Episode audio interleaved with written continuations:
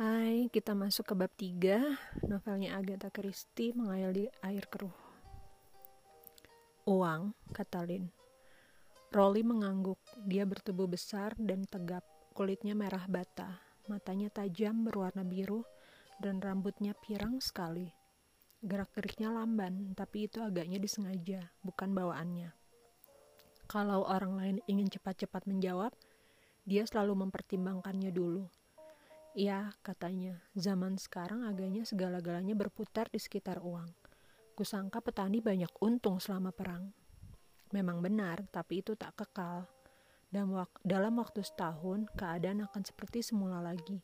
Karena upah naik, buruh enggan bekerja, semua orang merasa tak puas, dan tak seorang pun tahu bagaimana mengurus diri sendiri.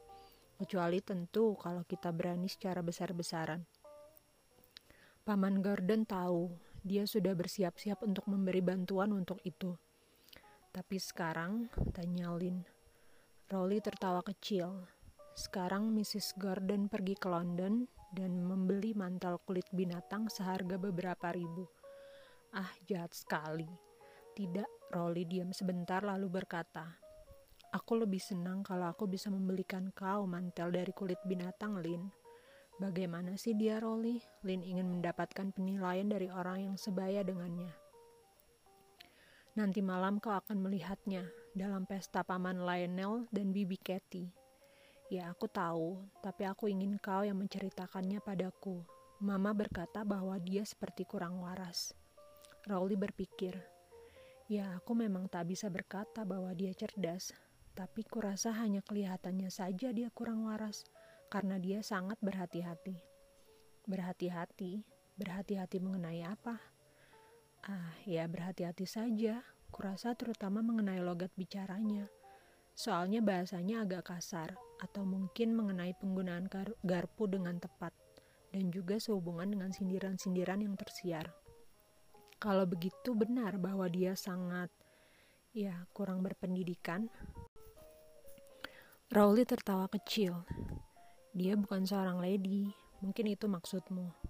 Matanya bagus sekali dan kulitnya halus, dan kurasa paman Garden tergila-gila karena itu. Tambahan lagi dia itu polos, kurasa hal itu tidak dibuat-buatnya. Meskipun ya kita tidak tahu, dia hanya bengong saja dan kelihatan bodoh dan membiarkan si David mengaturnya. David, abangnya, kurasa tak ada satupun urusan penipuan yang tak diketahui anak muda itu, Rolly menambahkan. Dia tak suka pada kita semua. Mengapa dia harus suka? Tanya Lin tajam. Dan ketika Rolly memandangnya dengan agak heran ditambahkannya. Maksudku, kau yang tak suka padanya. Memang tidak, kau pun tidak akan suka padanya. Dia tidak seperti kita. Mana kau tahu siapa yang aku suka dan siapa yang aku tak suka, Rolly? Selama tiga tahun aku sudah melihat banyak di dunia ini. Aku kurasa pandanganku sudah lebih luas. Kau memang sudah lebih banyak melihat dunia ini daripada aku. Rolly mengucapkannya dengan tenang namun Lin mendadak mengangkat mukanya. Ada sesuatu di balik nada bicara yang datar itu. Rolly membalas pandangannya tepat-tepat. Meskipun wajahnya tidak membayangkan emosi, Lin ingat bahwa memang tak pernah mudah untuk benar-benar tahu apa yang dipikirkan Rolly. Aneh dan kacau benar dunia ini, pikir Lin. Dulu biasanya laki-laki yang pergi berperang, wanita tinggal di rumah, tetapi di sini keadaannya terbalik. Ada dua orang pemuda, Rolly dan Johnny, salah seorang di antaranya terpaksa harus tinggal di daerah pertaniannya. Mereka lalu mencabut undian dan Johnny Vavasor lah yang harus pergi. Tak lama kemudian dia tewas di Norwegia. Selama masa perang itu Rolly tak pernah pergi jauh dari rumah. Sedang dia, Lin, pergi ke Mesir, Afrika Utara, dan ke Sisilia.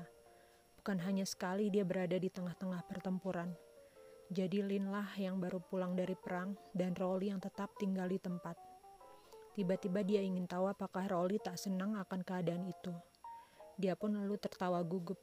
Kadang-kadang keadaan terbalik ya. Ah, entahlah, Rolly menatap kosong ke arah desa. Itu tergantung. Rolly, kata Lin dengan bimbang. Apakah kau tak senang? Maksudku, Johnny. Rolly memandangnya dengan dingin dan tajam.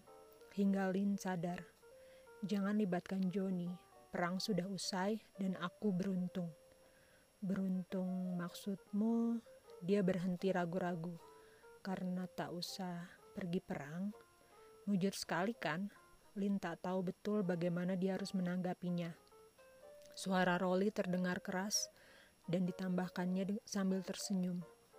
Tapi kalian, gadis-gadis yang baru kembali dari dinas perang, tentu akan merasa sulit untuk menyesuaikan diri di rumah lagi. Ah, jangan bicara bodoh begitu, Rolly, tanya, katanya jengkel. Tetapi mengapa dia harus jengkel? Mengapa? Karena kata-kata Rolly memang benar. Ah, sudahlah, kata Rolly. Kurasa sebaiknya kita memikirkan pernikahan kita saja, kecuali kalau pikiranmu sudah berubah. Aku sama sekali tidak berubah pikiran. Mengapa aku harus mengubah pikiranku? Rolly berkata samar-samar. Mana aku tahu. Maksudmu, kau pikir aku... Lin berhenti sebentar, berubah. Tidak juga, mungkin kau yang telah berubah pikiran. Tidak, aku tidak berubah. Hanya sedikit sekali yang berubah di, di tanah pertanian. Baiklah kalau begitu, kata Lin. Dia menyadari adanya anti klimaks. Mari kita menikah. Kapan maumu? Sekitar bulan Juni. Baik. Mereka saling diam. Urusan itu sudah beres. Tanpa diinginkannya, Lin merasa sangat tertekan. Namun Rolly adalah Rolly. Begitulah dia selalu. Penuh kasih sayang, tanpa emosi dan rendah diri. Mereka saling mencintai, sudah sejak lama. Mereka tak pernah banyak membicarakan cinta mereka. Jadi mengapa sekarang mulai membicarakannya? Mereka akan menikah bulan Juni dan tinggal di Long Willows. Lin selalu menganggap nama itu bagus, dan dia tidak akan pernah pergi lagi. Pergi, maksudnya dalam pengertiannya sendiri. Betapa senangnya melihat tangga kapal yang diangkat, melihat cepatnya putaran baling-baling kapal, rasa tegang waktu pesawat terbang siap tinggal landas, lalu naik membumbung meninggalkan bumi, memandangi pantai negara asing yang makin jelas bentuknya. Bau debu panas, parafin dan bawang putih campur baur dengan celoteh dalam bahasa-bahasa asing. Bunga-bunga aneh yang tegak dengan megahnya di kebun yang berdebu. Membenahi koper dan membongkarnya kembali akan pergi ke mana lagi. Semua itu sudah berlalu. Perang sudah berakhir. Lin Marmont sudah kembali. Si pelaut sudah kembali. Kembali dari laut. Tapi aku bukan lagi Lin yang berangkat dulu pikirnya. Dia mengangkat mukanya dan melihat bahwa Rolly sedang memperhatikannya. Nah itu bab tiganya, bab tiganya lumayan singkat. And next next days atau dua hari lagi kita akan mulai dengan bab 4 ya. Thank you so so much. I hope you all enjoy it and please kindly follow my podcast. See ya.